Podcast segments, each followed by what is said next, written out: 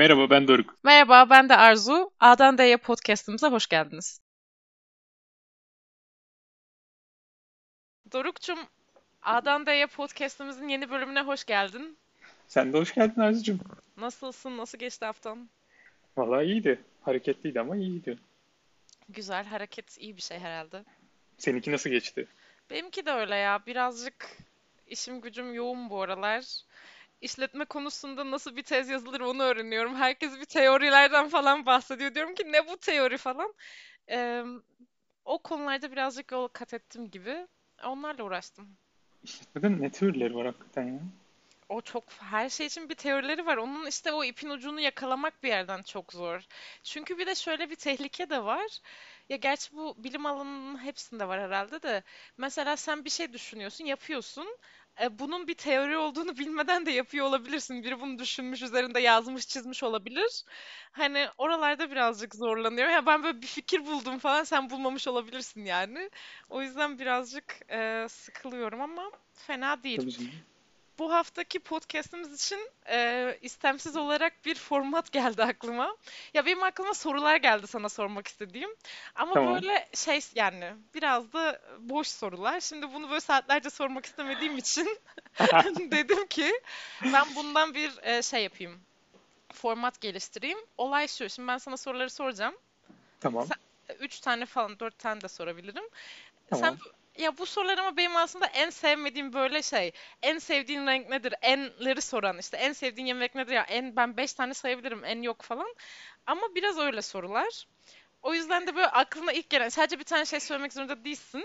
Ama böyle Hmm, çok düşünmeden hani aklına geleni söyle. En iyi cevaplar olmasa da sorun yok. tamam. Peki Hazır anlaştık. Anla yani çok hazır değilim ama aklıma ilk geleni söyleyeceğim için hazırlık ihtiyacı hissettim. Ya hayır yani öyle stresli bir şey olmasın da yani bir deneyelim bakalım ne olacak. Kal- kalmak yok değil mi bunda? Yok sen hayatında bir sınavdan zaten kaldın mı da şimdi benim ne Kaldım haddim? ya. Nasıl ya? Bayağı ehliyet sınavından kaldım. Yok artık. Tabii. Ehliyet Ya bu işte Amerika'ya kaldın? doktoraya gittiğimde e, Evet. eh- Türk ehliyeti orada 3 ay mı 4 ay mı ne geçerliydi öyle bir şeydi. Ondan sonrasında işte bulunduğun eyaletin ehliyet sınavı neyse giriyorsun ehliyet alıyorsun. Hı hı. Yani normal teorik sınava girdim. Çok kolaydı böyle bir saat internetten çalıştım girdim. Geçtim takır takır. Sonra geldi direksiyon sınavı. Yani ben 8 senedir 10 senedir İstanbul'da araba kullanmış bir insanım sonuçta.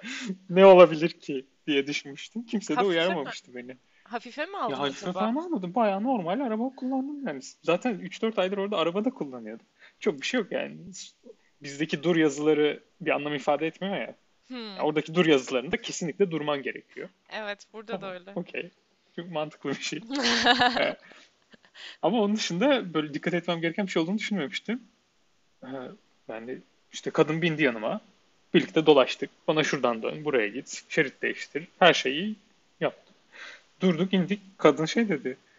Yani e, çok uzun süredir araba kullanıyorsun galiba. Çok yani inanılmaz düzgün kullanıyorsun falan. Ama kaldın dedi. Tır şoförüsün ama kusura bakma falan gibi. Hayda dedim. Nasıl? Neden? Ee, biz mesela sadece dikiz aynasına bakıyoruz ya şerit değiştirirken dönerken falan. Hı hı. Ee, orada bir de dönüp kafanı çevirip bakman gerekiyor. Ya Muş. evet. Evet, e, hatta burada bilmiyorum ama bence Türkiye'de de böyle de bunu galiba o kadar üstüne basmıyoruz. Hani önce iç aynaya, sonra dış aynaya bakacaksın, sonra omuzundan da bakacaksın. Öyle sinyal vereceksin. Kural bu yani. Hmm, Ben bilmiyordum işte. Bu, bu başıma geldikten sonra insanlara anlatınca aa tabii tabii herkes kalıyor zaten. Bu da herkes biliyor falan. Yok Arkadaş herkes kalıyordu niye söylemediniz daha önce? Evet, evet. Bu böyle benzer hikayeler duydum yani. Aynı şekilde İstanbul'da yıllarca kullanıyor, Almanya'da geçemiyor falan ama işte daha önce anlatmıştım. Geçen hafta mıydı? Ben burada öğrendiğim için hani ben zaten sadece böyle yapabiliyorum yani hani o başka o trikler bende yok. Ya ondan sonra döndüğümde bir süre o alışkanlık geçmedi benden. Yani gene şey yaparken kafamı da çevirip bakıyordum. Bu sefer arabadakiler tedirgin olmaya başladı Türkiye'de. Ne falan ne yapıyorsun önüne baksana. Evet doğru. Ya bir de çok zaman alan bir şey bence İstanbul trafiğinde belki öyle bir vaktin yoktur. Yani evet. Ya bir de şey e, kör noktada olmak aslında kör noktada olanın sorumluluğu gibi düşünülüyor sanırım Türkiye'de biraz. Yani hani bu adam beni görmüyor olabilir. Ha. sen ona göre gidiyorsun. Öyle mi? Hiç bilmiyorum. Yani e, haklısın olabilir gerçekten. Yani bilmiyorum. Ama şeyin mantığını anlayabiliyorum aslında. O üç aynaya bakmak ve omuzu da çevirmenin mantığını an- şey üç ayna değil iki aynaya bak ters tarafa da bakıyormuşsun falan. Yani iki aynaya bakıp hani omuzu çevirmenin mantığını anlıyorum ama pratiğinin biraz zor olduğunu düşünüyorum ben de. Ama bence şey ya bu dönüp kafanı çevirip bakmanın e, yani bilimsel araştırması yapılmıştır. Bence pek faydalı bir şey değil. Ya o yüzden modern arabaların çoğunda şey var. Kör nokta sensörü var. İşte Evet. aynada kenarda ışık yanıyor mesela kör noktanda bir şey varsa falan diye seni O uyarıyor. harika bir şey. Bence bu arabadaki hani şey ne deniyor o yardım eden cihazların içerisinde hani bu park sensörü falan tabii çok iyi. Hani gel gel dur falan demeye gerek kalmasın diye. Gördüğüm ikinci en güzel şey de o yani. Çünkü ben hep o şerit değiştirmelerden çok korkuyorum. Hani belki görmem bir Evet, yanlışlık yaparım falan. Orada bir destek insanın gönlünü ferahlatıyor yani. bence de kesinlikle katılıyorum. Tamam. Ee, Evet, şimdi sorularımıza zaman gelelim. Evet, yani bence ikinci şey olmayacak. O ehliyet sınavı hayatında kaldığın tek. Çünkü burada geçme kalma yok. Doğru yanlış cevap yok yani. Soruyorum. Tamam, İlk sorum. Hazır mısın? hazırım. Tamam. Evinde bulunan e, en gereksiz eşya ne? Yani şu anda mobilyalı bir evde yaşıyorsun sanırım ama e, Evet. mesela İstanbul'da da çok uzun yıllar kendi evin oldu. Oradan da hı. düşünebilirsin. Yani bizim şöyle bir şeyimiz vardı. Niye var bizde bu? Hiç bilmedik ve hiç kullanamadık. Makarna kurutma askısı. Bu ne ya? Makarna kurutma askısı nasıl bir şey? Bir tarif eder misin? Tabii ki e, şöyle düşün. Bir çubuk, bir hı. standı var. Çubuğun tepesinde e, şey var. Kolları var. Normal çamaşır askısı gibi evet, düşün kollar var. Evet. E, işte atıyorum spagetti falan gibi bir şey kesiyorsun. Hı hı. Ondan sonra o askıları asıyorsun.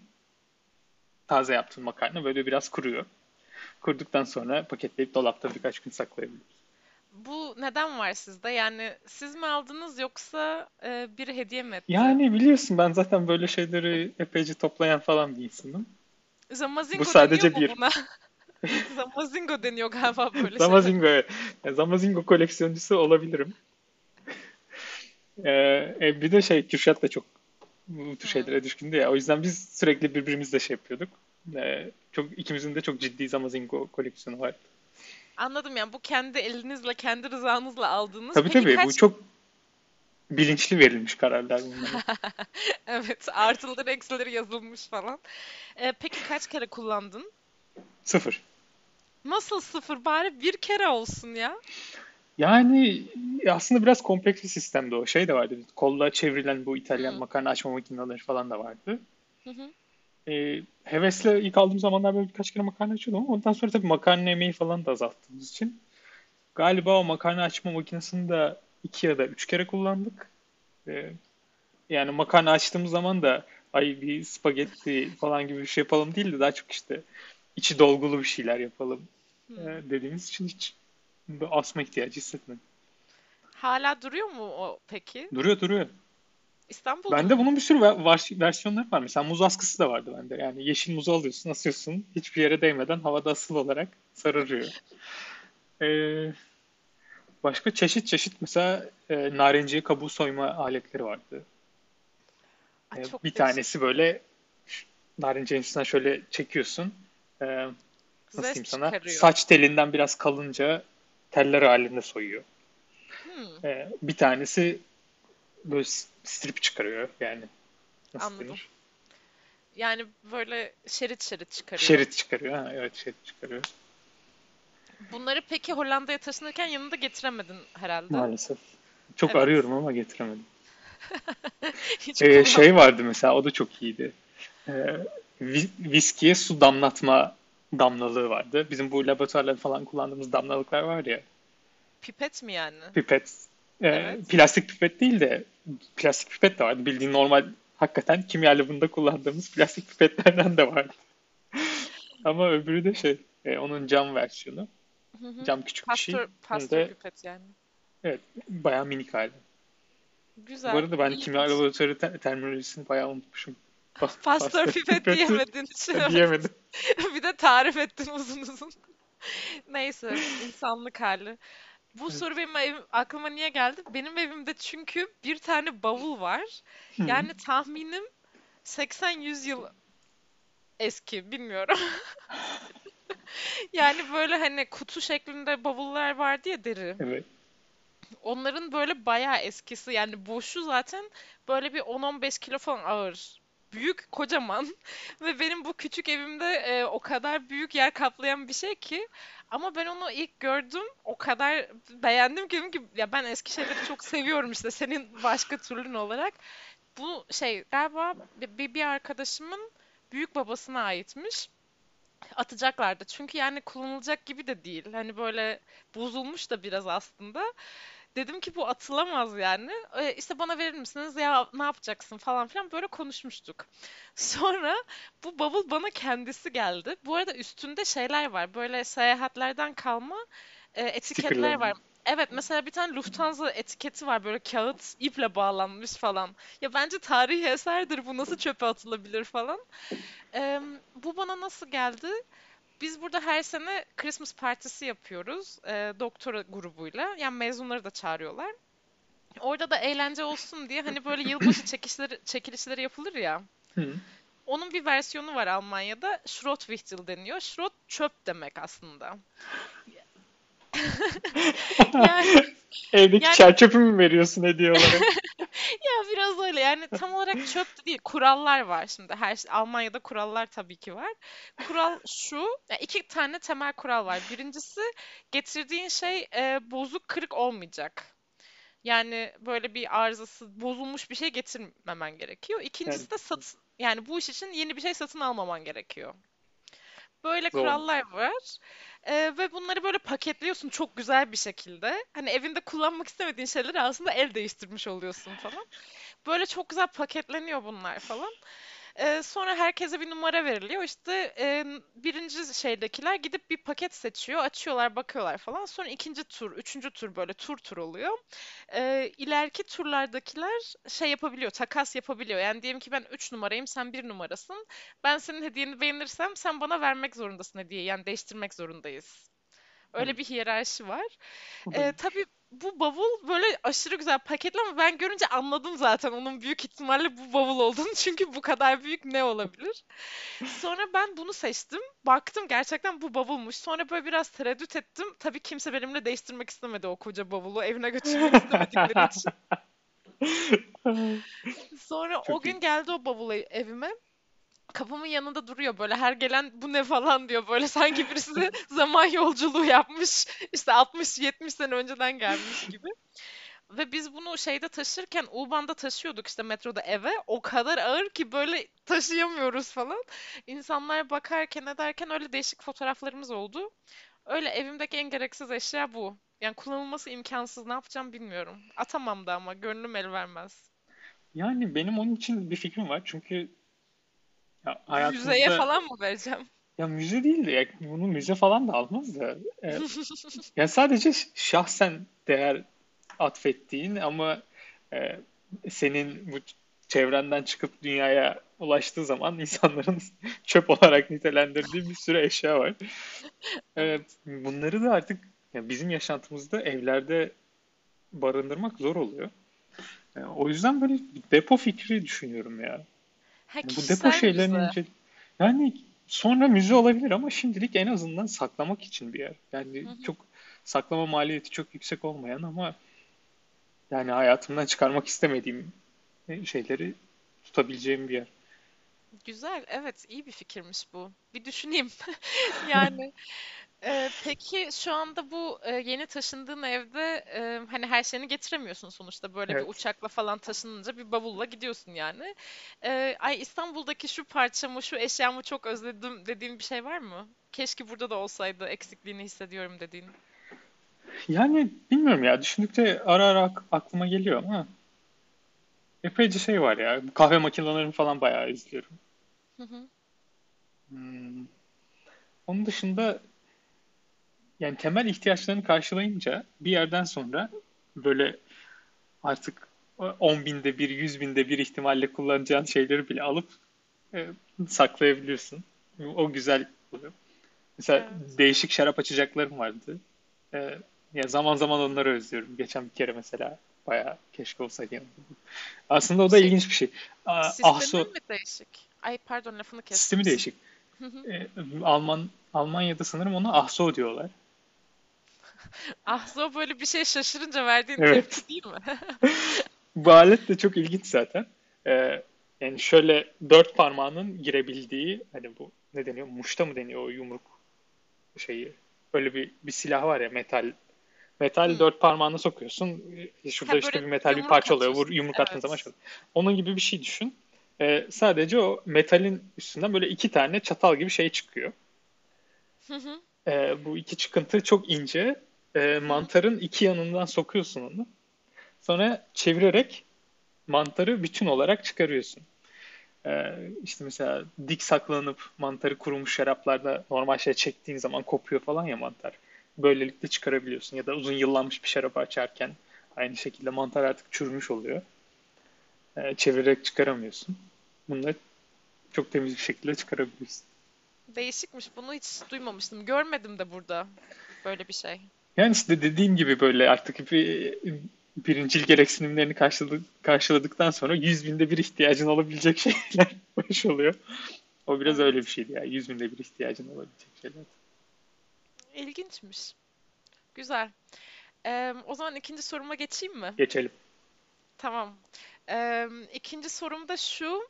Şimdi sana diyorlar ki Doruk'cum bundan sonra bir e, ürün seçeceksin. Yani yiyecek bir e, ürün. Ee, her gün bunu yemek zorundasın. Ama seçim serbest. Her şeyi seçebilirsin ama bu ürün her gün senin tarafından tüketilmek zorunda. Neyi seçersin? Ne yersem yiyeyim her gün onu da yiyeceğim. Doğru mu? Evet. Ya her gün onu yemek zorundasın bir öğününde. Öğününün bir kısmında. Tamam. Peynir. Ama bir daha spesifik olmasan peynir. Ya tamam Oo. peynir de peyniri de kabul edebilirim gerçi. Ama şey oldu çünkü bu hani çok geniş bir şey ya bir gün işte kaşar peyniri yersin bir, bir gün roquefort yersin bir gün falan hani o Ya mesela havuç falan desem bir, bir noktadan sonra sıkıcı olabilir her gün havuç yemek. Hı hı. Evet, e, çok Peki aşırı böyle spesifik. şu, şu tür peynir diyebiliyor musun? Ya Kaşar tek diyelim. bir tip tek tip bir şey Yani olacak ne yani olursa her olsun gün her o gün kaşar yerim üzmez de beni. Aşağı yukarı zaten her gün yaptığım iş. Her gün kaşar yersin. Güzel. E, bir de her şeye de uyuyor. Hani bir şeyin üstüne rendelersin. Arada Yani böyle ya, yersin. ya en Dilim kötü sabah kahvaltısı diye bir parça hiç. Kaşar peyniri benim şey Türkiye'deyken İstanbul'dayken bu tost most ya da bir şeyin üstüne eritilmediği sürece hiç yediğim bir peynir değildi. Ama Eski kaşar şimdi falan olabilir de o hmm, yeni ya kaşarı pek ha Ya taze kaşarın çok çok da bir anlamı yok açıkçası. Yani onun da kalitelisi ve gerçekten tazesinin bu inanılmaz bir süt tadı var. Ee, hı hı. o gerçekten keyifli bir şey ama onun dışında endüstriyel taze kaşar peyniri yani Amerikalıların bu cheeseburgerin üstüne koyduğu peynirden çok da farklı bir şey değil açıkçası bence de. Ama şey e, daha eski kaşarlar ya onda da bildiğim kadarıyla Türkiye'de iki tane ekol var. Bir tanesi işte Trakya kaşarı, öbürü Kars kaşarı. Mesela Trakya kaşarı beni çok heyecanlandıran bir peynir değil. Ee, ben Kars kaşarını daha çok seviyorum.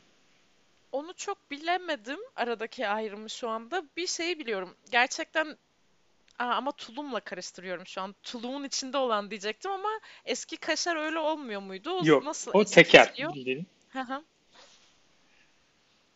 Ben tulum çok severim. Eski öyle o Hmm. şey tulum çok severim. Tulum da biraz zor bir peynir ya.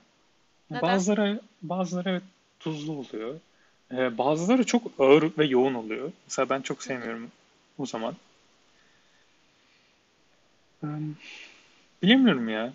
Yani e, genel olarak çok daha her şeyin orijinalini, eski usulünü seven bir insan olarak itiraf etmek gerekirse e, daha böyle hafif plastik tulumlarını işte dereye basılıp e, mağaralarda yıllandırılıp hafif küflendirilmiş tulumlardan daha çok seviyorum. Ya çok ilginç buldum bunu. Çünkü ben sen peynir dediğinde daha böyle e, güçlü tatları olan işte böyle e, küflenmiş bilmem ne onlara gidersin diye düşünmüştüm. Şaşırdım biraz. Ama onların bir zorluğu var ya. Birçok şeye eşlik etmiyorlar bence. E tek başına onu yesem bile zaten çünkü o kadar hani önemli bir şey ki güçlü bir tadı Yani var ki. tek başına da çok tükettiğim şeyler değil açıkçası. Çünkü benim için biraz şey oluyor böyle. E, nasıl diyeyim? Ağzına atom bombası atmışsın gibi bir şey oluyor. Yani o, o kadar büyük bir gürültü çıkarıyor ve yankılanıyor ki yani onun yanında yadığım, yediğin, tattığın birçok şeyi e, baskılıyor. Evet. Doğru. Ya ben tulum peynirini çok severim. Bir de böyle keçi falan öyle beyaz peynir çok severim. Aa, yani keçi, keçi sütünden olan ürünleri çok seviyorum. O da biraz karışık ya. Bence keçinin cinsi ve diyetiyle çok ilgili.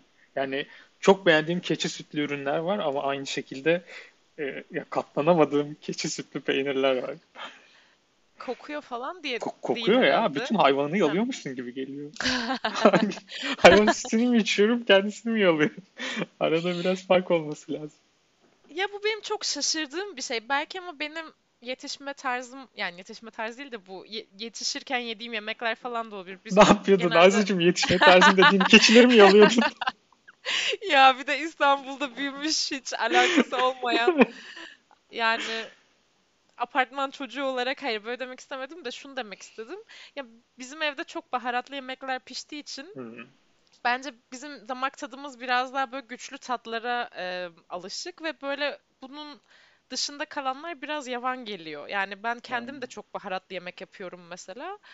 Ee, o yüzden herhalde ee, şey hiç yok mesela. Ben çok şaşırıyorum. Bu hiç al yani benim acaba öyle bir koku alma şeyim mi, yeteneğim mi yok diye düşündüğüm de oluyor. Mesela işte kuzunun kokması, işte keçi kokuyor, bir şey kokuyor falan. Hiç kokmuyor bana çünkü bu. Hani hiç denk gelmedim. Yani kötü tabii bozulmuş et kokar yani. Ona bir şey diyemem de böyle güzel düzgün pişmiş et e, ya da güzel bir peynir falan bana hiç kokmuyor. Yani bunu duyuyorum ya. Bazı insanlar e, etkilenmiyorlar. Bazı insanlar da aşırı hassas olabiliyorlar. Ama o mesela ahıra girdiğin zaman hani ahırın bir hayvansı kokusu var ya. Hı hı. Peki onu alabiliyor musun? genel olarak ya genel olarak bu kokuyu alabiliyorumdur herhalde. Yani alırım tabii. Bilmiyorum hayatımda ahıra kaç kere girdim ki acaba diye düşünmem gerekti. Köyde falan birkaç kez olmuş olabilir. Ala, tabii canım yani o kokuyu alabiliyorum ama yani o his o, o, ona benziyor yani hani hmm. sanki o yediğin şeyde o ahırın aroması vuruyormuş gibi bir his oluyor. Sanırım en iyi ben böyle tarif edebilirim. Ya değişik yani pişmiş tabağa gelmiş bir şeyde hiç öyle bir koku ya da öyle bir beynimde hani o bağlantıyı sağlayan bir koku aldığımı hatırlamıyorum. Yani aslında bunun daha ilginç tarafı mesela bazı üzümlerin şaraplarında e, böyle bir yatkınlık var. Yani işte şarap yıllandıkça yani sonuçta o üzüm meyvemsi tat ve kokular içermesini beklersin. Ama yıllandıkça işte bu şaraplar buke geliştirme diye bir şey var. Buke de işte yıllanmayla birlikte ortaya çıkan koku ve aromalar. Ee, bazı üzümlerin şaraplarında bu yatkınlık var ve şey bayağı bildiğin hayvansı e, kokular çıkıyor. Ve yani normal olarak yani belki bir daha az şarap seven, işte şaraba daha az ilgi gösteren insanların reddettiği ama şarap literatüründe işte çok saygı gösterilen şeyler bunlar. Makbul bir şey yani Makbul aslında. bir şey aslında evet. Yani değer, değerlendir değer verilen bir şey daha doğrusu. ama insanlığın böyle yani nasıl diyeyim hayvansı, çürümüş, funky dedikleri İngilizce tatlara karşı ilginç bir yatkınlığı var. Ya bilmiyorum ben açıkçası bunun antropolojik sebebi nedir ama mesela o küflü peynirler falan. Çünkü aslında bozulma şeyi ve e, evrimsel olarak bozulmuş gıdaları tüketmemek için vücudumuzun bir alarm sistemi olması lazım. E, o yüzden galiba bir grup insan hani, birincil tepki olarak bunlardan hoşlanmıyorlar. E, ya zamanla öğreniyoruz bunlardan hoşlanmayı ya da e, bazılarımızın alarmı yok. Galiba bende alarm yok. yani inşallah yanlış bir şey yiyip ölmem falan diyeceğim ama şu ana kadar ölmediğime göre herhalde ya evet olabilir. Buna şey şeyi bilmiyordum. O şarapta böyle bir şey olduğunu bilmiyordum. Buna şaşırdım. Hiç böyle bir şey denk gelmedim herhalde. Şey var. E, gelsen çünkü fark edebileceğim bir şey herhalde. Böyle çok fark edilmez bir gizli bir tat değil sanırım. Yani bayağı işte şey düşün mesela kuzuyu düşün otluyor falan gidiyorsun alıyorsun hayvanı böyle burnuna yaslayıp kokluyorsun o mis gibi kuzu kokuyor. Şu anda ben bu kokuyu çok bilmiyorum dedim ya. Acaba ben bunu içip mesela fark etmiyor muyum diye düşündüm.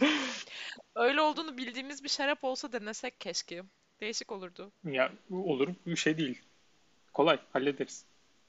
Ha böyle bu şarapta bu tat var falan diye böyle bu seride bilinen bir şey mi bu? Ya mesela bazı birçok üzümde olabiliyor bu yıllandıkça özellikle. Ama birkaç tane üzüm var. Bunlar çok yatkınlar e, böyle olmaya. Mesela İtalyanların Dolcetto diye bir üzümü var. E, yanlış hatırlamıyorsam. E, o buna çok yatkındı yani böyle 3-5 senede bile böyle tat ve kokular ortaya çıkarabiliyordu. Ama İlginçmiş. Bunu, şey çok iyi. düşüneyim. Şarap aslında biraz da gereksinimden doğuyor. E, ya eski zamanda bir kalori ihtiyacını desteklemek için Hı hı. e, yemekle birlikte içmen gereken bir şey. Çünkü yemek çok fazla değil. Kıt kalori ihtiyacının bir kısmını da oradan alıyorsun. E, hani içinde alkol olmasının sebebi de şey bildiğin raf ömrünü uzatıyor. Yani eskiden çok daha ilkel aslında daha da kompleks yöntemlerle raf ömrü uzatıyorduk. Doğru. Şarap da Evet. onlardan bir tanesi. Ama insanların bütün dünya coğrafyasında diyetleri çok farklı. Yedikleri çok daha farklı işte besinler var. Mesela av hayvanları falan yiyen bir topluluk olduğunu düşün. E, av hayvanlarında da yapılan pratiklerden bir tanesi şeymiş. Yani hayvanı vuruyorsun. Ondan sonra asıyorsun böyle soğuk bir odada ve günlerce bekletiyorsun. Aslında pratik olarak o hayvan orada çürüyor biraz. Bu çürümeyle birlikte e, etin dokusu biraz daha yumuşuyor. Şu anda da öyle yapılmıyor mu? Bu normal Şu anda da hala öyle yapılıyor. birisi ava giderse hani onları hep asmıyorlar mı? İşte Evet evet. biraz bekliyor, bir şey oluyor falan. Evet şu anda da öyle yapılıyor. Ama mesela bu da gene ay- bu işte e, bizim hafif hafif bozulmuş funky tatlar sevmemizin örneklerinden bir tanesi. Ama şimdi sen o eti yerken yanında bir bir şekilde ona eşlik edebilecek, uyumlu olabilecek bir, bir şaraba da ihtiyacın var. Yani bu şaraplar aslında biraz ona da cevaben ortaya çıkmış şeyler. Çok merak ettim şu anda. Böyle bir şarap bulsam keşke. Bir bakayım ben buna. Buluruz. Buluruz. Bendeyiz Ya falan. al, Ben de o iş bende. sorma bayağı üzen şeyler var ya. Almanya bayağı e, nasıl diyeyim çok ciddi bir şarap ve viski hazinesi. Ve işin en Bu güzel niye tarafı üzdün? Ha. e, e, bunlar çok makul fiyatlara satılıyor. Yani e, bu işi yapan insanlar hani çok paralar kazanmak falan için değil sanırım. Daha çok da sevdikleri falan için yapıyorlar. Ve böyle çılgın talepler falan da olmadığı için e, inanılmaz makul fiyatlara inanılmaz güzel şeyler bulabileceğin Almanya'da butikler var minik. Üzüldüğüm tarafı da bunların birçoğu Almanya dışına göndermiyorlar. Mesela geçen bir tanesini buldum. Yani bayağı gerçekten almak istediğim birkaç bir şey var. Adamlara yazdım cevap vermediler. Web sitelerinde sadece Almanya'ya işçi gönderimi yapılıyor. Yani kapı komşusuyuz şuradan. Bir sınırı atlatıverecek. Sınır yok zaten. Evet. e, ben belki yardımcı olabilirim bu konuda sana. E, En falan nasıl olur bilmiyorum ama deneyebiliriz. olur. Adamlarla çözemezsem böyle çözelim. Evet, evet olabilir gerçekten. Ya şey doğru bu arada. Hani bu ne bileyim daha özel şeyler belki daha yani görece daha ucuz olabilir ama genel olarak bence içki fiyatları çok ucuz olduğu için Almanya'da sanırım her şey işte ona göre bir e, şeye ölçeğe oturuyor. Yani işte biranın, şarabın falan yani en bu nasıl söyleyeyim? Hani çok kaliteli şaraplar tabii ki gittikçe daha pahalılaşacaktır ama normal içilebilir, kabul edilebilir bir şarap yani 3 eurodur, 4 eurodur yani hani Ya buradaki evet. söylemeye çalıştığım şey o değil de mesela şey gibi düşün. İstanbul'da bir tane dükkan var. Ee, Hı hı. sadece işte Akdeniz'deki Toroslardaki bir köyün Hı hı. ürettiği ürünleri satıyor. Evet ama şimdi ben demek istiyorum ki eğer normal sıradan bir şarap bile pahalıysa bu özel ürün çok çok daha pahalı olacak. Ama hani zaten ulaşılabilir olan daha uygunsa o da belki ona göre baz yani alınmıştır diye mesela benim gözlemim şey burada. Ee, Hollanda'da işte sıradan işte alabileceğin şaraplar falan oldukça ucuz. Ama özel bir şey almak istersen e, dünyada o şarabın fiyatından daha yüksek buradaki şey. Çünkü biraz daha lüks gibi değerlendiriliyor. Ee, söylemeye çalıştığım şey Almanya'da bu lüks gibi değerlendirilmiyor. Ve e, herhalde nüfus da fazla olduğu için e, epeyce deliği kaldırabiliyor o, o nüfus. Ya böyle bir tane şey var. E, mesela bu aralar işte şarap konusunda şeye sardım. Büyük 75'lik bir şeyi açtığım zaman bitiremiyorum. O böyle birkaç gün sürünüyor. Zaten ikinci günden sonra tadı da epeyce bozuluyor falan. Yani ben içemiyorum. Yazık oluyor. O da beni mutsuz ediyor. Ee, bunu nasıl çözebilirim diye baktım. İşte bu şarap saklama ekipmanları falan var. İşte mesela şarabı mantarını hiç çıkarmıyorsun. Böyle iğnesi olan bir şey var. İğneyle mantarın içinden giriyorsun. Sen içeri argon gazı basıyorsun. içeriden şarap çıkıyor. İşte şarap hiç oksijenle temas etmiyor. Ee, sen de bir şişe şarabını böyle kadeh kadeh böyle uzun bir zaman dilimi içinde içebiliyorsun. Ya iyi de arkadaş bu aletin yani alet kendisi 300 euro. Yani. Bir de o argonu nasıl sürekli evinde Ya evet tüp tüp yani? argon alacaksın. Evet. Benim doktoram tümüyle bu teknikler üzerineydi. Lan keşke, Her şey. keşke o zamanlar düşünseymişiz. Labda bunları yapabilirmişiz ama. Evet ama tabii sana nasıl yapacağız böyle küçük porsiyonlayıp göndermeyeceksek nasıl yapacaktık bilmiyorum. Ya aslında küçük porsiyonlamak da gayet iyi bir şey. Yani hiç oksijen olmayan bir ortamda şarabı açıp küçük küçük şeylere paylaştırıp e, bence o da iyi bir şey. Gayet. Hiç Evet. oksijensiz, susuz ortamda çalışmak bizim işimiz. Yani bu gerçekten Arzucuğum bunu, en iyi bildiğim bu- şey. bunu evde yapmamızın yapmanın bir yolunu bulmamız lazım.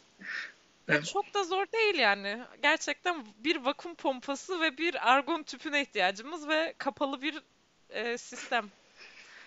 Onlara ihtiyacımız var. Yani neyse şimdi bu sistemi evde kurmayı ben düşünmeyeyim. E, Ezgi beni herhalde camdan aşağı atar.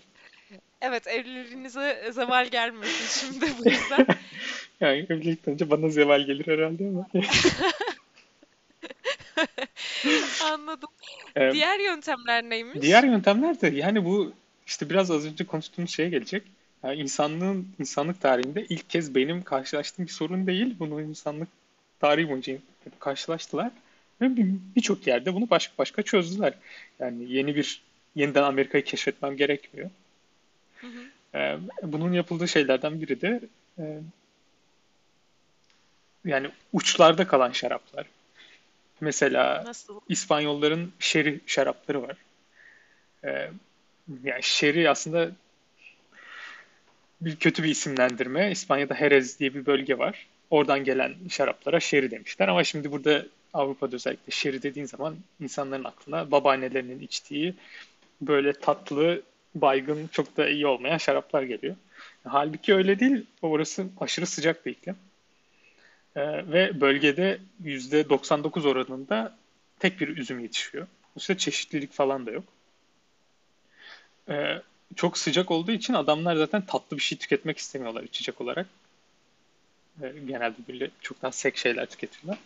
O yüzden ilginç yöntemler geliştirmişler. Mesela yöntemin bir tanesinde e, üzümden şarabı yapıyorlar. E, fermentasyon tam bitmeden alkol ekliyorlar. İçinde bir miktar şeker olan e, yüksek alkollü bir şey kalıyor. Hı hı. E, ondan sonra bunu fıçıya koyuyorlar. O nemli mahzenlerde bir çeşit e, gene küf bu şeyin içindeki şaraba dadanıyor. Şarapla e, fıçının üstündeki boşluk arasında böyle bir tabaka oluşturuyor. Ve bu tabaka çoğunlukla oksijen geçirmeyen bir tabaka oluyor. Yani bir yoğunluğundan. tür şey, ha anladım yani kalın bir tabaka oluşturuyor. Kalın bir tabaka oluşturuyor, evet. böyle kapatıyor. Ve bu küf işte o şarabın içinde kalan şekerle besleniyor. Dolayısıyla dünyada içebileceğin aslında en sek şaraplardan bir tanesi çıkıyor ortaya. Bir taşla iki kuş gibi bir şey oluyor Evet, yani hem sıcak aslında. iklimde rahat içebilecekleri sek bir şarap yapıyorlar. Hem de bu şaraplar yani doğaları gereği çünkü o küf tabakasının altında ortalama böyle 5-6 yıl falan kalıyorlar. Hı hı. O yani oksijene de bir miktar tolere ede- edebilen şaraplar oluyor. Ee, yani hem sek hem işte ekşilik, asidite yüksek hem de toprak çok böyle e, kireçli, kayaçlı bir toprak. Dolayısıyla hafif de tuzlu şaraplar. O yüzden mesela zeytinle, beyaz peynirle falan inanılmaz uyumlu şaraplar. Ve hiç şey olmuyor. Harika. Açıyorsun dolapta bir ay boyunca minik minik rahat rahat içebiliyorsun. Ama onu soracaktım. Şimdi adam öyle üretti ama bunu sana e, yani son kullanıcıya faydası nasıl? Çünkü o küften ayırdığı zaman bunu hala yine oksidasyon bilmem ne olur. Yani o küfle gelmiyor herhalde Evet sana. yok küfle gelmiyor ama oksijene birazcık daha toleransı yüksek oluyor bunların. Ee, ikinci bir yöntem de mesela e, daha çok alkol koyuyorlar ilk başta yaptıkları şaraba fıçıya koymadan. Sonra fıçıya koyuyorlar. Alkol yüksek olduğu için bu sefer o küf oluşup yaşayamıyor. Bu şaraplar direkt oksijenle temas ediyorlar. İşte buna oksidatif olgunlaştırma deniyor. Oksijen şeyi altında işte fıçıda işte ortalama 5, 8, 10 sene yıllandırıyorlar. O onlarda mesela o tarz yaptıklarında renk çok daha koyu oluyor. Ve o, o şarapların oksijen toleransı artık şey yani neredeyse sonsuz. Bu biraz e, oksijenle satüre olmuş olan bir çözelti gibi bir şey mi? O yüzden mi öyle oluyor? Yoksa artık ne okside olacaksa Olmuş oluyor. Evet. İşte bu gibi. içindeki bütün işte aldehitler şeyler falan hepsi oksidasyonunu geçirmiş oluyor. İlginçmiş gerçekten. Ya o da mesela nasıl diyeyim? Ee, kuru meyve, çerez falan gibi tatlar ve kokular barındırıyor. Dolayısıyla kuru meyve ve çerezler falan mükemmel gidiyor. Ee, bu oksidatif olgunlaştırılmış şarabın artısı bunu oda sıcaklığında da saklayabiliyorsun. Ve bir ay boyunca istediğin gibi az az içebiliyorsun. Ee, diğer o küf tabakası alt- altında olgunlaştırılanı do- genelde dolapta saklamak gerekiyor. Soğuk reaksiyonları Ama soğuk yavaşlatıyor ya. mu? Evet ama soğuk tüketmiyorsun Soğuk herhalde. tüketiyorsun İçmeden onu. önce ha içmeden önce oda sıcaklığına falan Yok ya getirmiyorsun. getirmiyorsun. E, bayağı bildiğin beyaz şarap gibi düşün. Zaten Ha adamlar şarap beyaz mı? Ben hayır kırmızıdır hayır diye yok beyaz pardon özür dilerim bunu söylemedim. E, Ha Sadece beyaz üzüm yetişiyor. anladım. Nedense kırmızıya niye aklım gitti? Şeri kırmızıdır diye düşündüm herhalde oradan. İşte, Şeri kırmızı değil mi? e, işte birkaç çeşidi var. O babaanne şerisi kırmızısı oluyor genelde. Anladım. E, işte amber, maun gibi renkler diyorlar. E, onun sebebi de işte şey oksidatif olgunlaştırma. Beyaz şarap aslında o. Ama oksidasyon Anladım. sonucu işte renk koyuluşu. İlginç, ilginç. Ee, peki şimdi o zaman bu sen bu tekniği kendin geliştirmiyorsun, hazır yapılmışından Evet. yürüyorsun. Öyle mi Aynen anlıyoruz? öyle. Yani dolayısıyla işte abi şarabı açtım tüketemedim bozuluyor falan gibi derdin yok. E, zor bozulan şaraplar yapmış adamlar. Tüketebilirsiniz. E, bunlar gibi şey var mesela. E, Portekizlilerin e, Atlantik'in ortasında bir adaları var Madeira diye. Ben Madeira'ya gittim. Gittin mi? Aa, şu an en çok Evet. görmek istediğim yerlerden biri. Gerçekten Evet. güzel bir yer. Oradan aklımda kalan ama şey, ay o ama kabuklu bir ürün de adını çıkaramayacağım galiba şimdi. Biraz düşünürsem bulurum. Yani böyle midye gibi bir şey. Ee, böyle şey, tek ama kapaklı değil. Evet. Böyle duvarların falan üstüne yapışarak yetişiyor. Çok Yani ilginçmiş. kabuklu deniz can- Anladım anladım. canlısı. Ee, o kadar lezzetliydi ki ve ben daha önce içememiştim. Ee, orada öğrendiğim bir şeydi. Adı ne Hı. ya? Onu hatırlarsam. Hatta evimde kabuğu var da tadını şey tadı diyorum. Adını şu an çıkaramayacağım. Ee, senin hikayene yine limon sıkıyorum ama Yo çok değişik bir şey. Ee, orada ya bir kere benim indiğim en kötü hava alanıydı galiba. Çünkü böyle dağlar var. Yani Hmm, dağlar arasından geliyor. Ve böyle uçak inerken çok değişik şeyler yapıyor. Böyle hiç olmayacak bir yer, böyle dar, vadi gibi şeyler falan. Ve böyle çok sert inişler oluyor. Yani böyle çok sert e, şey ro- rota demeyeyim de yön değişik. Evet ve böyle her- hani ben böyle bir şey olduğunu bilmiyordum. Sonradan okudum bunu hatta. Ve böyle o pistler falan hani o gerçekten hiç dağların arasında bir yerlere yapılmış. Çok garip. Biz indik. Ee, böyle işte o sevinçliyiz falan. Otobüse bindik. Şehrin içine in- gideceğiz işte. Ee, böyle bir duman, is, mis gibi bir şey var. Ne oluyor falan dedik. Yangın çıkmış adada. Ve böyle fotoğraflarımız var ve böyle ilk akşamımız e, böyle ne yapacağımızı da bilmiyorduk, boyutunu da bilmiyoruz. Sanki böyle bir bilim kurgu ya da bir macera filminde gibi. Çünkü biz böyle normal giyimli kuşamlıyız. Böyle arkada bir yerler yanıyor falan. E, çok acayipti. Ve birazcık açıkçası tedirgin olmuştuk. Çünkü ada çok küçük ve yangın çok büyüktü. Hani ne yapacağız? Burada kalabilecek miyiz? Uçaklar uçabilecek mi? Gidebilecek miyiz falan.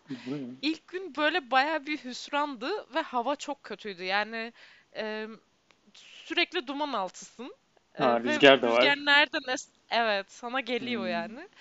Şeyi hatırlıyorum böyle akşam herkes yani sahile gelmek istiyor ki hani biraz uzak olsun dumandan diye. Böyle piya mı deniyor o şeye? Hani iskele gibi ama suyun içine uzanan taşlardan hani dalga kıranlar vardır Hı ya. hı. Böyle herkes onun üstünde bir hani sanki Yangın gelse atlayacak mı? Ya onu düşün ya onu düşünmedik artık o kadar gelene kadar bir çare olur falan dendi herhalde ama temiz hava bir tek orada vardı. Hani sanki Hmm. böyle karşımızda bir tiyatro bir şey oynanıyormuş gibi sıkışık nizamda böyle onun üstünde oturarak akşamı öyle geçirdiğimizi hatırlıyorum. Sen Madeira ile ilgili anlatacaktın? Mesela Made- Madeira'nın da böyle şarapları var. Ee, o, onlar da böyle oksijene çok dayanıklılar. Çünkü yani yapılışlarından geliyor işte. E, yapıyorlar. işte üstünde bayağı hava boşluğu bırakarak fıçılara koyuyorlar. Hı hı. Hatta ondan sonra sıcak şeyde tutuyorlar. Böyle şarap ha- hafiften pişiyor da. O yüzden her şeye dayanıklı bir Nasıl hale geliyor. pişiyor? Yani şöyle düşün işte 40 derece falan ulaştığını düşün sıcaklığın. Hı hı. E, fıçının içindeki şarap o yüzden böyle karamelize oluyor biraz pişiyor yani hafif. E, İlginç. onun Peki sebebi de nasıl? E, şey bu adamlar burada şarabı yapıyorlar da orada o şarap hiç tüketilmiyor. E, sürekli oraya buraya ticaret için gönderiyorlarmış. O da teknede, gemide işte aylarca oraya gidiyor, buraya gidiyor, Hindistan'a gidiyor falan. Sıcakta kendi kendine bu hale gelmiş şaraplar. E, o şaraplar birazcık daha tatlı oluyor. E, ama Hı çok daha kompleks oluyor. Ve yani gerçekten işte oksijenle hiçbir şey olmuyor şaraplara. Ama çok ilginçler. Yani şu anki en büyük keşiflerimden bir tanesi Madeira şarapları. E, onların e, değişik şeylerini deneyelim. Peki nereden buluyorsun İşte ona gelecektim. E, bulması bayağı zor. Mesela işte Ho- Hollanda bunun zamanında epeyce ticaretini falan yapmış bir yer. Yani burada herhangi bir markete gidersen bir tane Madeira şarabı bulabilirsin. Ama bu genelde böyle yemek pişirmek için bir, bir şarap. E, hiç içmeye pek uygun değil bayağı aslında kötü, çok düşük kaliteli bir şey. Hı hı. E, daha kaliteli örneklerini işte böyle iyi şarap dükkanlarında onda da yani bir ya da iki tane böyle ilginç bir şey bulabiliyorsun. Ama gel gör ki Berlin'de bir dükkan var ve adamlar buna özelleşmişler. Adam yani inanılmaz Madeira şarabı satıyor. O kadar zengin bir koleksiyonu var ki.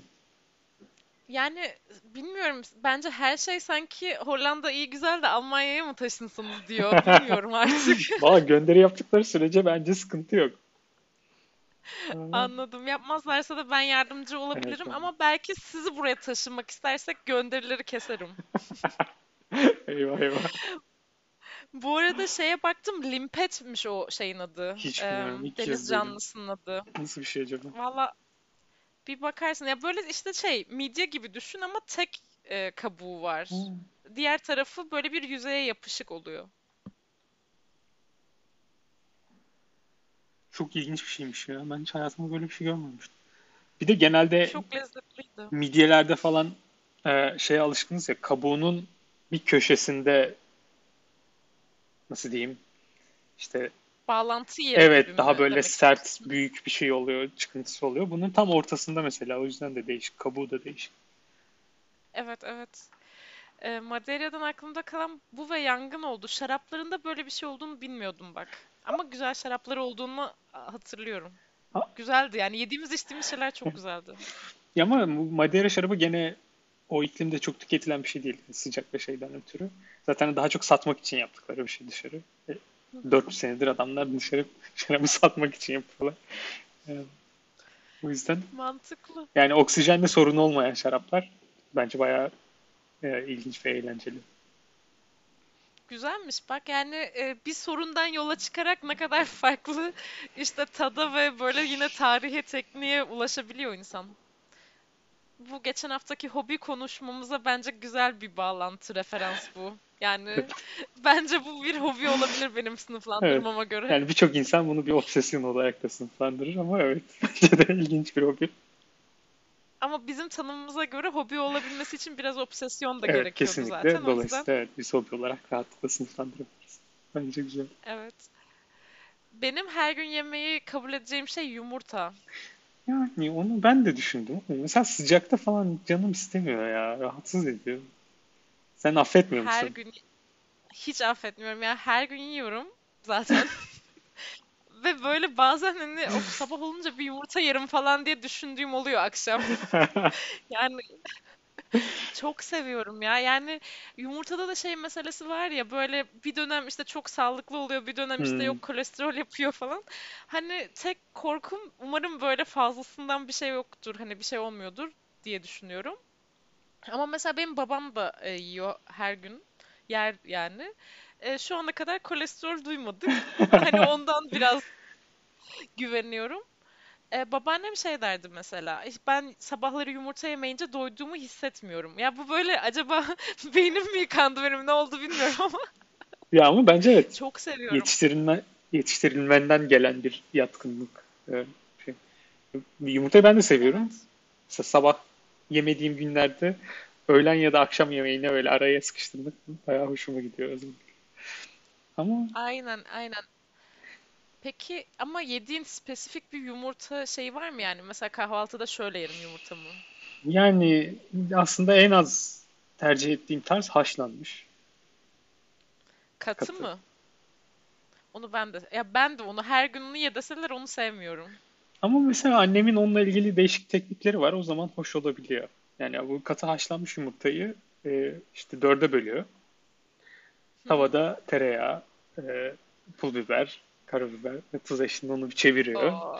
E, o zaman güzel oluyor ama tabii şimdi havada, tavada tereyağı, pul biber, karabiberle beni çevirsem ben de çok güzel olur. Ya tam onu diyecektim de hani artık demeyeyim. Evet. Ya ben benim en sevdiğim ya dur senin en sevdiğini duyamadık. Onu söyle. En sevmediğini duyduk da. Ya en sevdiğim sanırım böyle güzel bir ekmek varsa ben banarak yemeyi seviyorum. Hmm.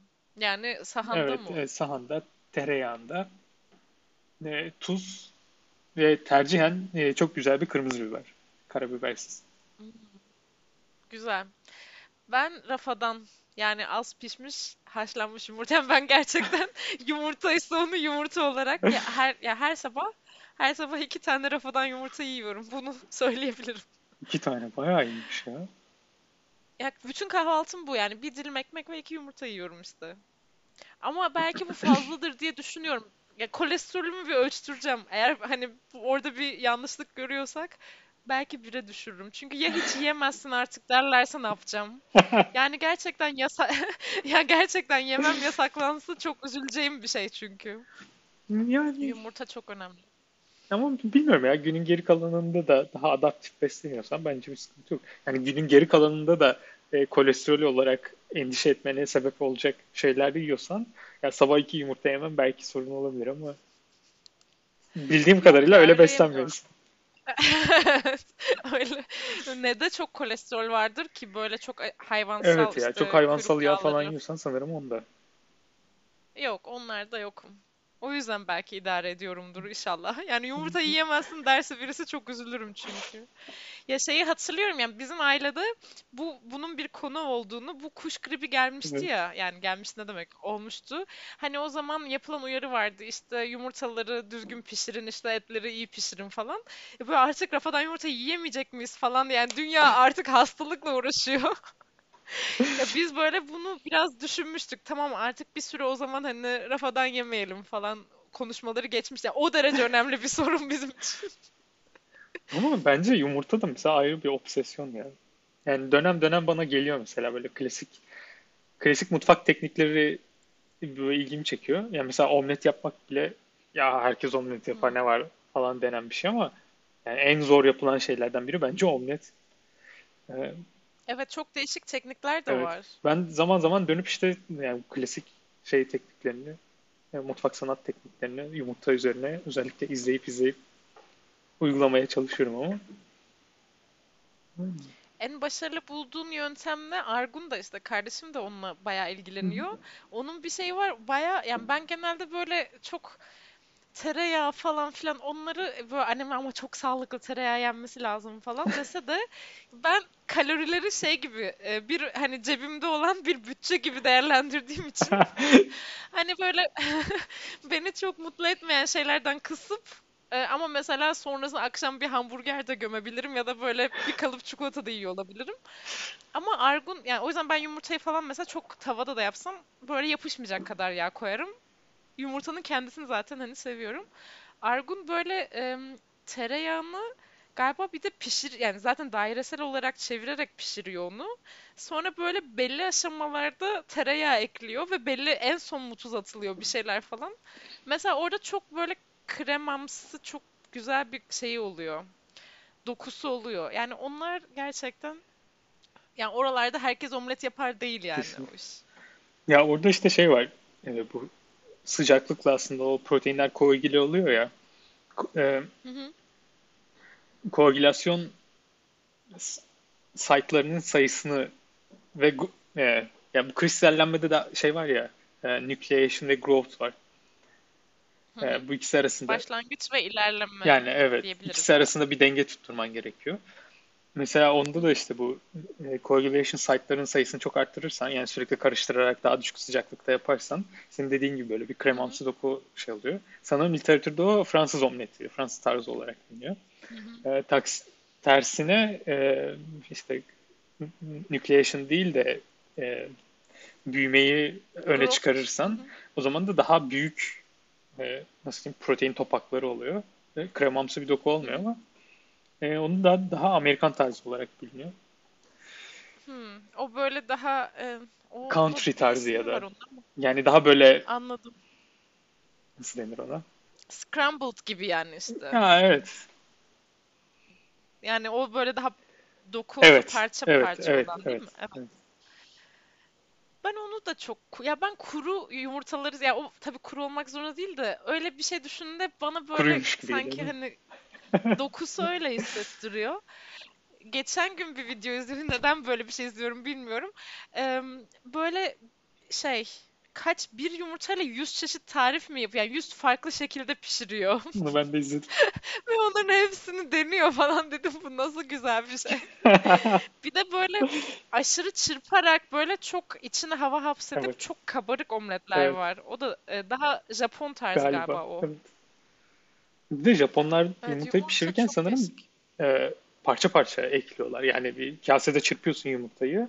İşte atıyorum e, onu kafanda ona bölüyorsun. Ve sürekli bir onda birini Hı. ekleyip ekleyip pişirip bir yerde toplayıp sonra geri kalanını ekliyorsun, pişiriyorsun, şey yapıyorsun falan. Sebep? Ben böyle katmanlı farklı bir doku oluşturmak anladığım kadarıyla. Yani bir Pişirmesinde. kısmı daha çok bir kısmı daha az pişmiş gibi Yani mi oluyor o galiba bilmiyorum tam sebebini. Ya bu onların şeyi de var ya e, sadece omletle yapılan sushileri var.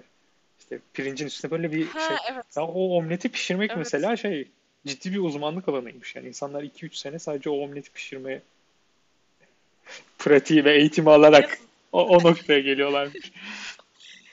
zaten sushi yapmanın tümü öyle bir ustalık. Yani e, böyle insanlar yıllarca işte bıçak tutana kadar falan birini Evet. izliyor falan filan. Yani e, sushi'nin kendisi zaten Ya şey biraz üzücü geliyor bana. Bu kadar büyük bir sanat kültürü bir şeyken aslında hani bir yandan da popüler kültürde falan ne kadar ayağa düşmüş bir şey. Evet. Hani böyle e, vardır ya bu restoranlarda ne deniyor ona? E, hani all you can eat Evet, gibi ye sınırsız. yiyebildiğin kadar hani böyle bandın üzerinde dönüyor falan hani ne Evet. kadar aslında hiç bu filozofiye bir şey uymayan e, versiyona dönüşebiliyor. Biraz üzücü bir şey. Yani doğası gereği galiba iki ekstreme de çok kolay gidebiliyor. Birincisi yani çok basit bir şey. Sadece pirinç ve balıktan oluşuyor. Yani Dolayısıyla fikren herkesin yapabileceği bir şey. Keza yumurta pişirmek de aslında birebir olarak aynısı. Çünkü sadece elinde yumurta ve bir miktar kullandığın yağ var. Başka bir şey yok. Ama bu Doğru. kadar tabii basit şeylerle çalıştığın için e, bütün ağırlık tekniğe odaklanıyor. Aslında çok Hı hı. yani tekniği orada inanılmaz geliştirebiliyorsun. Ve Evet. Ve bir de malzemenin kalitesi işte bence kesinlikle. o zaman herhalde çok büyük rol oynuyor. Çünkü yani onu evirip çevirebileceğin çok fazla bir şey yok yani. Neyse o çıkıyor sonunda.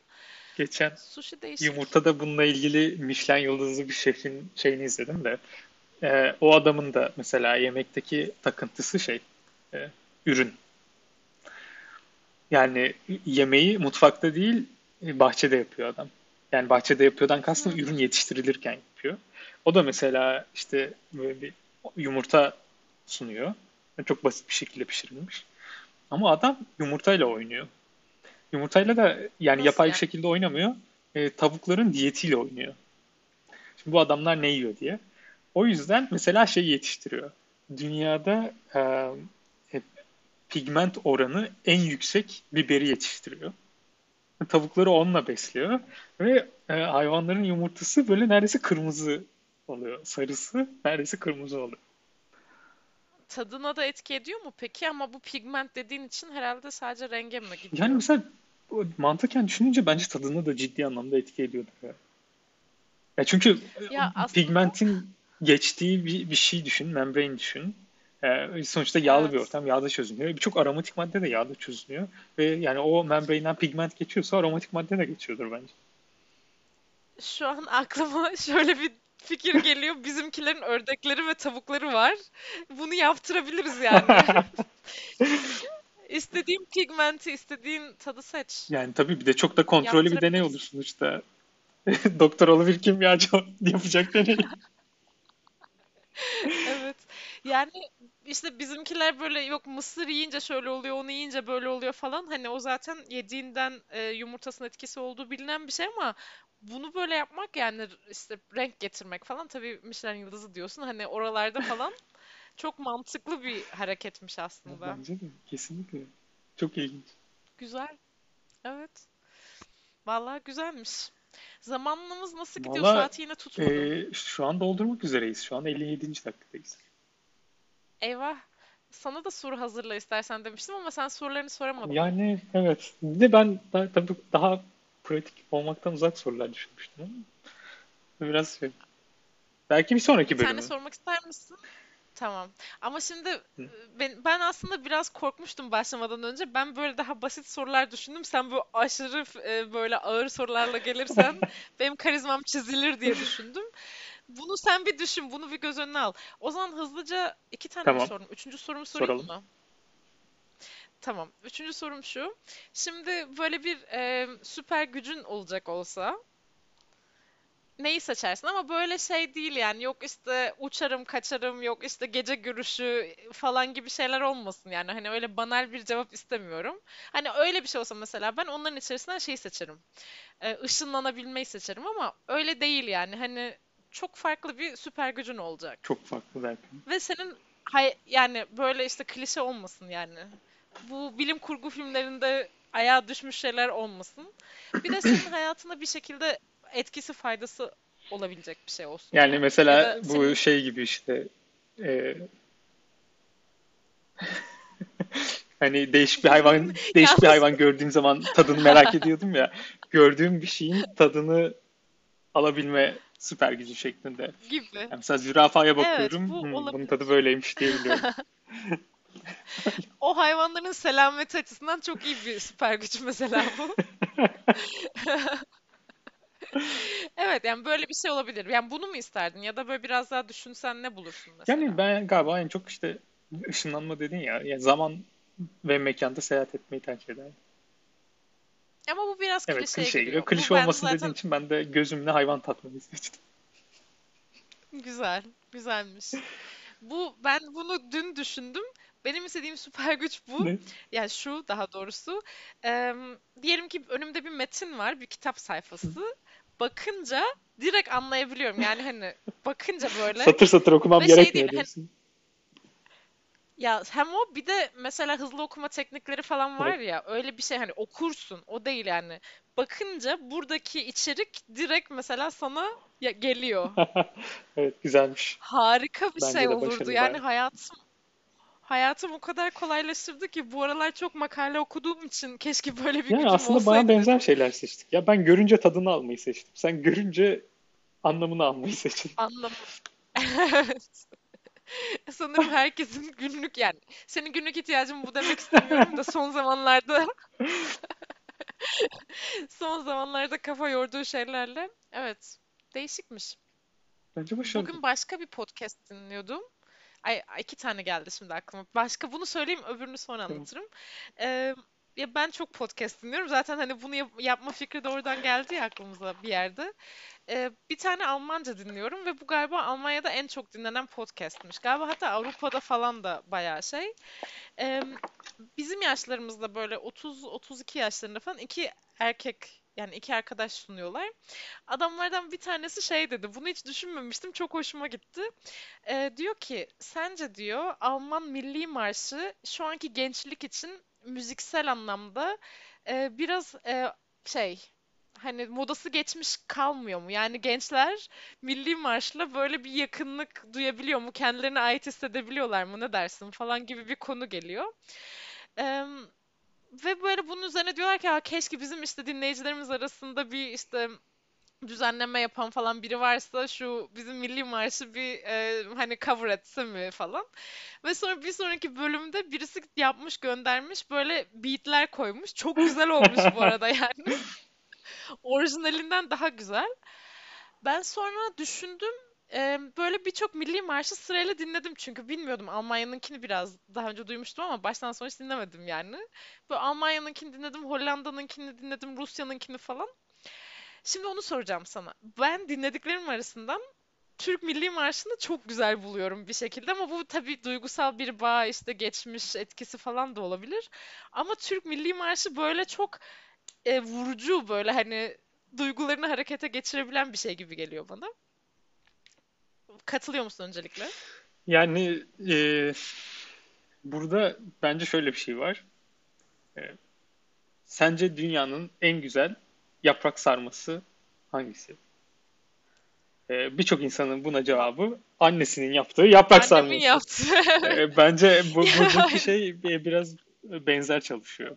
Yani sence en iyi Evet evet hangisi? onu E, diyorum. Dolayısıyla bunu bence böyle şey yapamayız. Değerlendiremeyiz. Ya en güzel milli marş nedir demek tabii işte onu demek istiyorum zaten. Hani milli marşla gelen duygular, Evet. aidiyet falan filan da Ama var. bence bunu Ama mesela bypass etmenin bir yolu var. nedir? E, Makineye falan hayır mı tersten dinleyeceksin. Sözlerini anlamaksızın mı melodisini mi melodisini tersten tersten dinle. dinleyeceğim? Gerçi yani tabii Ama müzikte hani revertable'lık nasıl bilmiyorum. Ama mesela genelde insanlar şey merak ederler ya. Ya işte bir dil duyuyor, insanlar konuşuyor. Aa bu da kulağa çok kaba geliyormuş falan filan diyor. Sonra bazıları düşünüyor. Acaba bizim dil bu insanlara nasıl geliyor kulağına diye. hı hı, Ee, ya bunun cevabı bence genelde tersten okumak. Yani neyi tersten okuyorsan. Çünkü ilginç. öbür türlü sen anlam yüklediğin için onu çok değerlendiremiyorsun. Ama tersten okuduğun zaman senin için de o artık bir yabancı dil sınıfına giriyor. Çünkü bir anlam çıkaramıyorsun. Ama orada e, ton yani mesela bir ses kaydı olsa onu geriden dinlesek tonlar falan da biraz garip olacak. Oradan da biraz kafamız karışmaz mı? Yani çünkü cümlenin sonunda işte düşüyor mu, iniyor mu e, ya da aynı kelime içerisinde de belki ikinci hece tonlanıyor Ee, falan. e, doğru yani tabii bu akışı böyle bir boyutlu bir şey düşündüğün zaman ama bu olay sadece iki uçta oluyor. Dolayısıyla hani iki ucu ortadan kaldırırsan kendi içinde aslında öyle bir problemin yok. Çünkü yani sen bir cümlenin başını orada öbür cümlenin sonu gibi düşünüyorsun. Ee, çok önemli değil. İlginçmiş. Bunu bir deneyeyim. Türkçe bir konuşmayı. E, değişik olabilir. Sonra bu arada e, ben bu hani duygusal bağı bypass etmek için bu hani nasıl milli marşlar varmış ya da nasıl duyuluyormuş da Türk milli marşını çıkarayım diğerlerini bir karşılaştırayım kendi zevkime göre diye düşündüm. Nasıl sonuç çıktı? Çok ilginç. Mesela ya tabii böyle kaç tane dinleyebilirim bir süre sonra oturup günlerce milli marş dinlemedim şimdi açık olmam gerekirse ama şeyi çok beğendim. Türkiye'den sonra ikinci favorim Rusya. Acaba böyle Ya bilmiyorum. Rusya'nın marşı da böyle insanın e, yani harekete Ya geçiriyor acaba duygularını. bunları biri oturup bilimsel çalışmış mıdır ya? Bence bu bayağı ilginç bir deney yani. Yani karışık deney Ya gruplarına evet. işte değişik değişik marşları dinle, dinlettir. Ee, acaba en çok hangisi beğenildi? Bundan sonra gelecek soru da neden? Yani mesela hani şu milli Evet marş en şey çok mı? beğenildi. Neden isterim. yani? Bence bayağı ilginç sorular. Kesin birileri yapmıştır ya. Evet. Onun teorisini falan Kesin yazmışlar. ben de düşün. Ya olan kesin yazmışlar. Ben yine bilmiyorumdur. Bak kendi kendime. Ben yine kendi kendime bir şey buldum diye seviniyorum. Seviniyormuşum falan. Ay Allah'tan kimya ile ilgili araştırma yaparken başıma hiç böyle bir şey gelmedi ya. Düşünsene rezillik yani. 3 sene çalışmışsın falan. Aa bunu geçen sene yaptılar falan diyor. Ya da ne bileyim geçen sene o sene üzülmezsin de 20 sene önce Ya yaptılar öyle falan. çok Çok şeyler olabiliyor. Yani hem negatif hem pozitif anlamda işte. Bir de e, yani daha eskiden yapılmış şeyler özellikle teorik işlerde falan. Mesela bir dilin içine sıkışıp kalmış. Rusça, Almanca falan. Ve hiçbir zaman İngilizce çevrilmemiş o doküman. Yani dolayısıyla sen bugün hani araştırmanı yaparken ona denk gelmemiş olma ihtimali gayet yüksek. Ve sen işte senelerce bunun üstüne çalışıyorsun, bir şeyler çözmeye çalışıyorsun. Halbuki 50 sene önce adam biri çözmüş zaten. Ya orada biraz insanın gururu da kırılabilir. Çünkü hani sen şimdiki imkanlarla yok computing power'larla bilmem nelerle çözüyorsun. Adam kağıt kalemle çözdüyse bence karizman büyük çizilir yani. Yani evet. Çok değişik ya. Bu arada başıma yani bu hani gerçi bu benim fikrim değildi. Bu Alman adam hani diyor ya işte şu milli marşımızı bir, birisi cover etse ben sonra aynı şey Türk marşı için de yapılsa acaba nasıl olurdu diye düşündüm. Tabii bunu düşünen Türk müzisyenlerimiz olmuş. Ee, Türk yani İstiklal Marşı'nın çok değişik şeyleri var, coverları var. Bir tane böyle em, daha rock müzik tarzı bir şeyine denk geldim. Bir tane adam gitarla çalıyor, arkada davul da var. O kadar güzel düzenlemiş ki yani gerçekten Bunun linkini göndersene böyle ya. Çok merak falan. ettim. Göndereyim. Böyle komşularım falan diyecekler ne oluyor bu kıza diye. Çünkü sürekli Türk Milli Marşı dinliyorum son 2-3 gündür. Farklı versiyonlarını. Bu arada şeyi düşündüm tekrar ama artık yavaş yavaş kapamamız gerekiyor da bu Milli Marş olayından sonra kapatalım. Ee, hani 10 kıtası var ya bu Milli Marşımızın. Mesela adam işte şeyden em, tereddüt ediyor işte müziğimiz biraz outdated mi oldu? Hani gençler kendisini acaba yakın hissedebiliyor mu? Ben şey düşündüm. Türkiye'de mesela birçok insan Türk Milli Marşı'nın ne dediğini anlayamıyor. Bunu hiç Yok düşündün çok mü? düşündüm ya. Ya hatta şey de bu ilkokulda bizde dördüncü, beşinci sınıfta mıydı? Hatta lisede de vardı ya. Milli Marş yani şey İstiklal Marşı'nın e, edebiyat dersinde işlendiğini hatırlıyorum ben. Evet, incelemesini ben de hatırlıyorum. Ama yine de o pek bir şey ifade etmemiş galiba. Yani tabii genel olarak ne dediğini anlıyorsun da böyle kelime kelime. Sonra geçtiğimiz iki üç gündür o işte mesela garbın afakı ne demekmiş falan Hmm, diye böyle kelime anlamlarına bakarak o eksikliğim kapanmış oldu bu e, podcast bağlantısıyla. doğru. Ama değişik yani birçok insan kendi milli marşını anlayamıyor. Yani evet galiba milli marşların çok fonksiyon yitirdiği bir döneme de geldik artık dünya tarihinde. Ben öyle düşünmüyorum ya. Yani ne zaman bir işte futbol müsabakası Ha, olsa, yok işte olimpiyat olsa, anladım. Ama em, tabii senin hobilerin daha e, bu ihtiyaçlara uygun olduğu için sanırım daha şey. popülist, popülerim olduğu için daha normal hobilerin olduğun için diyelim. Popülist değil de. Tabii sen e, Yani evet. e, dünya popülasyonunu benden daha iyi temsil ediyorsun. Bu bir hakaret mi yoksa iltifat mı çok Tabii ki iltifat. şu anda. Ama sen daha sıradansın demiş oldun bana şu anda o yüzden emin olamadım. Yorum gelmediği için de e, önemli değil. Yani Bu benim kalbimi kıran bir şey değil.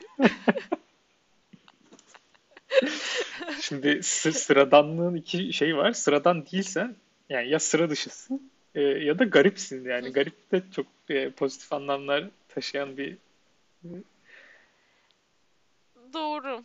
Ya bu biraz şey gibi hani bir şey söylediğinde karşı taraf enteresan diyorsa mesela bu ya çok iyi bir şeydir ya çok kötü bir şeydir yani. Evet anlayabiliyorum. Ya Milli Marş ya bilmiyorum ya başka m, spor müsabakalarında tabii çok var. Bir de önemli günler falan ama o tabii çok yok Yani artık önemli herhalde. günlerin önemi çok hızlı bir şekilde azaldı bence dünyada.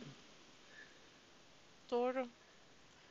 Aslında bu kadar şimdi büyük konu açıp da podcast nasıl bitireceğiz bilmiyorum da hani bu kadar aslında sağ hareketlerin güçlendiği bir dönemde bunun etkisinin azalması da değişik. Acaba biz mi yine farkında değiliz? Belki özel günlerin etkisi azalmıyor. Birçok insan bir, birçok insan için artıyor da olabilir. Yani, yani bilmiyorum açıkçası ya hiç. Ama ya milliyetçilikle özel günler çok paralel giden şeyler değil galiba. Çünkü Öyle mi diyorsun? Yani yani çünkü emin olamıyorum. şey yani aslında milliyetçi akımlar özel günleri yaratıyor evet. Ama yani e, aslında tarih aynı ülkenin tarihindeki farklı milliyetçi akımlar e, birbirinin tekrarı olmuyor. Dolayısıyla yeni gelen milliyetçi akım e, kendi yeni özel günlerini hazırlayıp onları öne çıkarmaya çalışıyor. diye düşünüyorum. Tam onu diyecektim bence de. Yani e, bence özel günlerin önemi azalmıyor da yeni özel günler Evet, oluyor. Her dönemin kendi özel galiba. günü o- var gibi. Evet, bu açıklamayla biraz tatmin oldum. Ya benim e, şimdi bunu anlatmayacağım da belki bir teaser olarak unutmazsak haftaya kadar kanguru meselesi gibi evet ya yine. kanguru kaldı. Ya o ka kanguru yine kaldı kusura bakmazsa. E, o kadar çok e, böyle askeri törende falan bulunmuş bir insanım ki çok yani nasıl oldu böyle bir şey diye. O yüzden bu özel günler, saygı duruşları falan böyle benim çok aklımda yer etmiş şeyler. Yani Yani sevdiğim de diyemeyeceğim ama böyle bir kültürün bir parçası gibi bende yeri var. yani evet bence de işte bu ne bileyim ilkokulda lisedeyken falan her hafta İstiklal Marşı ile açılır, her hafta İstiklal Marşı ile kapanır falan. Şimdi bir Her gün evet her andımız sabah vardı. şey toplantısı vardı. Aslında bunlar hep aslında a- askeri e, şeyden Hı gelen hı. e, nasıl diyeyim, izler. Evet, Ekolden evet. gelen, evet. E, konuşuyorum. Ya öyle düşününce bana da çok garip geliyor. Yani ben mesela bunu arkadaşlarıma burada anlattığımda işte her sabah böyle ikili sıraya hani şey düzgün nizam sıraya girip işte bir şeyi söylemek hani marşı ya da andımızı okumak falan tabii böyle çok despot yani acayip bir sistem falan. Ama e, ben şu an geriye dönüp baktığımda böyle şeylerin olmasının yani bana bir zararı olmadığı gibi böyle bir güzel anılara dönüştü gibi. Yani şimdi çok e, kaygan zeminde yürüyorum. Başıma bir- yine bir iş gelmesin de. Yani ke- kendi adıma böyle oralar güzel anılar gibi oldu. Hani bir abi de böyle bir şey vardı falan diye hani gülüp düşündüğüm. Ya olabilir. Ya bilmiyorum ilginç. Askeri şey ama etkiler birçok yerde var ya. Mesela çok insan bilmez ya da çok ilgilenmez ama e, yani Fransız mutfağının e, işte bir mutfak şey olarak bugün Michelin rehberi falan varsa bunun tek sebebi e, Auguste Escoffier adındaki adamın e, askeri düzeni mutfağa getirmesiyle başladı her şey. E, peki ama bu şey mutfakta e, sınıflandırma sis- ha bu kaç yıldızın var yok hayır yani hayır yani e, mi? bir profesyonel mutfak kültürü yani bir otelin şeyin mutfağı, bir restoranın mutfağının e, bütün çalışma prensipleri şeyleri tamamen askeri kökenden gelmedi. O yüzden mesela bir sipariş geldiği zaman şef yüksek sesle gelen siparişi okur ve sipariş bittiği zaman herkes yes şef der. Yani bu komuta alındı, çalışıyoruz Evet. anlamında. Ve Çok hiyerarşi de gene askeri hiyerarşinin çok benzeridir yani mesela işte head chef vardır genel komutanı e, altında su şef vardır. Mesela aynı rütbelendirme mutfak içinde de yapılmıştır. Evet bunu bilmiyordum bak. Ben sen Michelin dediğinde acaba bu sınıflandırma ve puanlamadan mı hani Bu bu işte şey e, e, mutfak ve restoran sistemini e, sistem level atlatan bir, bir şey oldu. Yani o zamana kadar e, her şey çok daha dağınıktı. Hiçbir şey çok fazla ölçeklenemiyordu, büyüyemiyordu e, ya da düzenlenemiyordu. E, bununla birlikte standartize edilebildi ve e, şey büyüyebildi. Tarifler falan da standartize edilebildi. E, insanlara bir de şey oldu. Hmm, uzmanlık alanları oldu. Yani şimdi su şeflikle Hmm, birlikte yani evet. o adamın artık işte yaptığı tek şey işte belli çeşit tatlılar, hamur işli tatlılar. Dolayısıyla o şeyler falan çok daha standartize olabildi. Ölçeklenebildi ve büyüyebildi. Tabii standartize olunca bu sefer ölçülebilir hale geldi. Ölçmekte Michelin'le şeyle başladı. Anladım. Değişikmiş. Yani bu işte disiplinlerin birbirine etkisi de ilginç. Bu şeyde şimdi bak içime biraz dert oldu. Andımızla ne güzeldi her sabah okuyorduk derken olmayan dinleyicilerimiz için hani yanlış anlaşılmamak adına. Şimdi tekrar düşündüm. Hani tabii ideolojik olarak mesela bununla bir sıkıntın varsa işte devlet bana bilmem bir şeyi zorunlu tutuyor falan tabii ki bence bu sorun ama galiba benim hoşuma giden şey böyle bir ritüel gibi bir şey ya bu. Hani ve o zaman çocuk olarak işte o sıraya girmek falan mesela beni hiç zorlamıyordu. O söylediğimizin içeriğini anlayıp anlamadığımı bile bilmiyorum. Yani hani böyle işte Türk bilmem ne yani anlıyorum tabii ki ama o çocuk aklımla hani bunları söyledim işte buna kanalize olduğum gibi bir etkisi de bence yoktu. Böyle o işte sabahın hani sabah sporu falan gibi yani tabii spor değil bu ama o tarz bir seviyede bence bir ritüel anlamında e, bir yeri vardı Ya bu için. sanırım önemli bir şeymiş. Şey, Şimdi geçen işte bizim bir toplantıda da bayağı bunun üstüne basa basa şey yaptılar, söylediler. Yani hani e, şu anki çalışma koşulları i- insanları psikolojik olarak zorluyor. Ve Birçok insan artık yıprandığının farkındayız. O yüzden kendinize e, rutinler ve ritüeller geliştirin. İşte atıyorum her gün işte şu, e, bir tanesi şey dedi. Benim beni hayata bağlayan önemli ritüellerden bir tanesi her gün sabah çocuğumu okula götürmek dedi. Yani o o, o herhalde o insan için böyle şey yapıyor. E, nasıl diyeyim yataktan kalkmak için bir sebep oluşturuyor ya da güne sistematik bir şekilde başlaması için bir bir, bir nasıl mihenk taşı oluyor. Evet, yani z- zamanını da bir şeye oturtuyor belki raya Evet. oturtturuyor. Çünkü o çocuğun o saatte oraya gitmesi Yani gene bir lazım falan. sistematiklik getiriyor. Yani ge- a- aş- a- nasıl askeri disiplinin işte mutfağa Hı getirdiği hı. şey gibi bir sistematiklik getiriyor. Sanırım e, insanları rahatlatan Evet. şeylerden. biri. Ya ben disiplinden dolayı değil bence bu. Şu anda tekrar düşününce bir de aklıma bence bunun nostalji elementi belki benim bu konuda böyle aa böyle de bir şey vardı falan gibi bir his. Hani yani çünkü çok garip şeyler var aslında. Düşününce şu an ne kadar saçma olduğunu. Öğretmen gelince ayağa kalkmak mesela.